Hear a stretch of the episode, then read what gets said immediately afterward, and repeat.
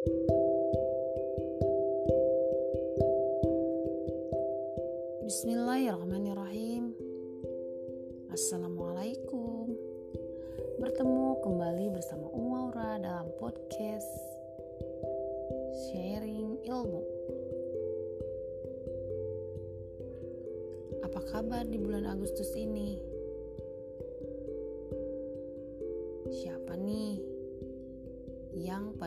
Ini ulang tahun?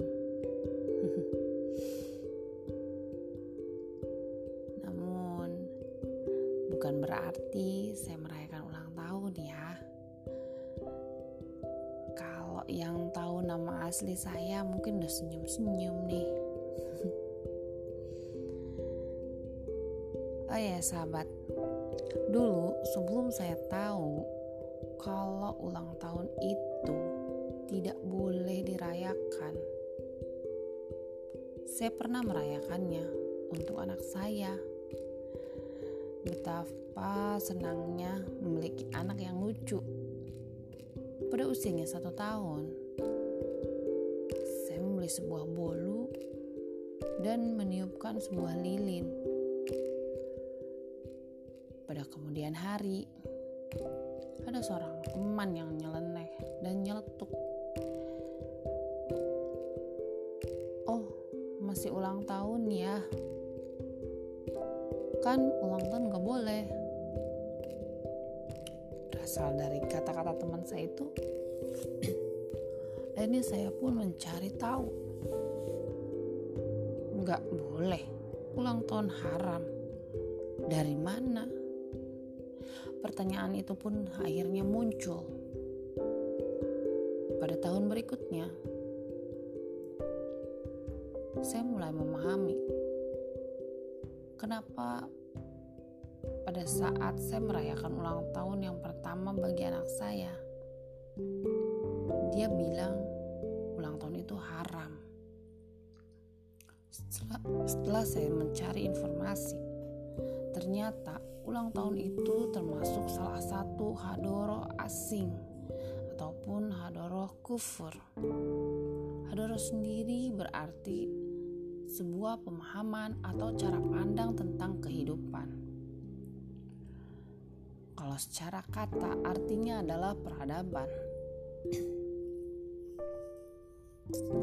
Dulu yang saya lakukan pada ulang tahun anak saya sebetulnya hanya ikut-ikutan.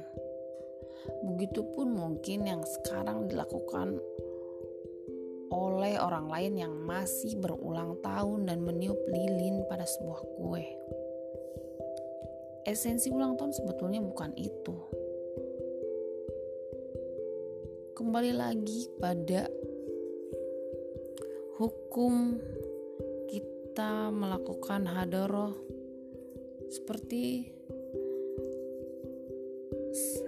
uh, kehidupan asing ya, seperti kehidupan pemahaman uh, kapitalisme. Secara bijak, bagi Muslim haruslah berperilaku berdasarkan standar halal haram. Bagaimana kita mengetahui segala sesuatu itu boleh ataupun tidak boleh dilakukan? Jangan hanya asal ikut-ikutan, setelah saya tahu bahwa ulang tahun itu termasuk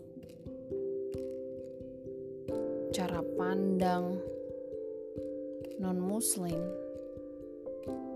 terhadap perayaan, karena di dalam Islam tidak ada ulang tahun, cukup mensyukuri saja usia yang telah diberikan. Bahkan seharusnya kita tidak bertepuk tangan pada saat usia kita bertambah. Tapi seharusnya lebih takorub kepada Allah.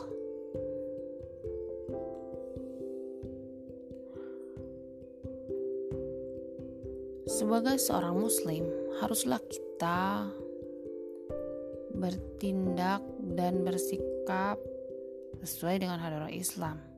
Tentu saja hadarah Islam datangnya dari Allah. Hadarah lain itu hanya sekedar karangan manusia yang kadang dikarang seenaknya. Makanya mending mengambil ide dari Allah saja, Sang Pencipta yang mengerti kamu. Sebagai ciptaannya, manusia itu lemah. Menghindari mati saja, kita tidak mampu.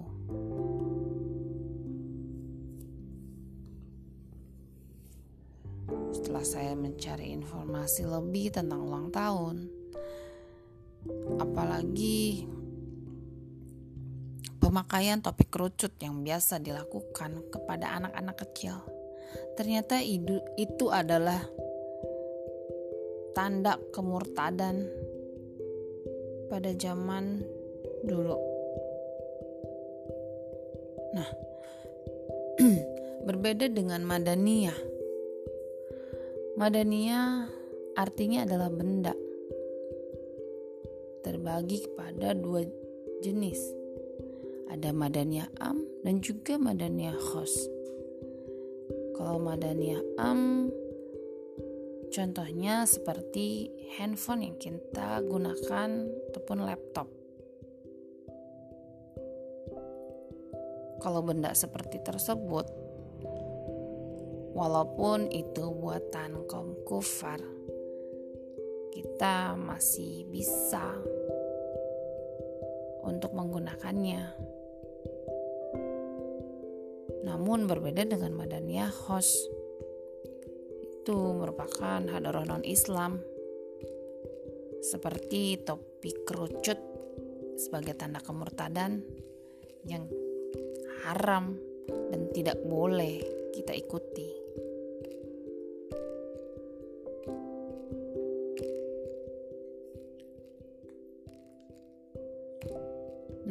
Sahabat, sekarang kalian sudah ada pencerahan sedikit kan tentang Hadaro dan Madaniyah? Nah, pada kesimpulannya, kita dilarang menyerupai suatu kaum. Barang siapa yang menyerupai suatu kaum, maka dia termasuk golongan mereka. Hadis riwayat Abu Daud.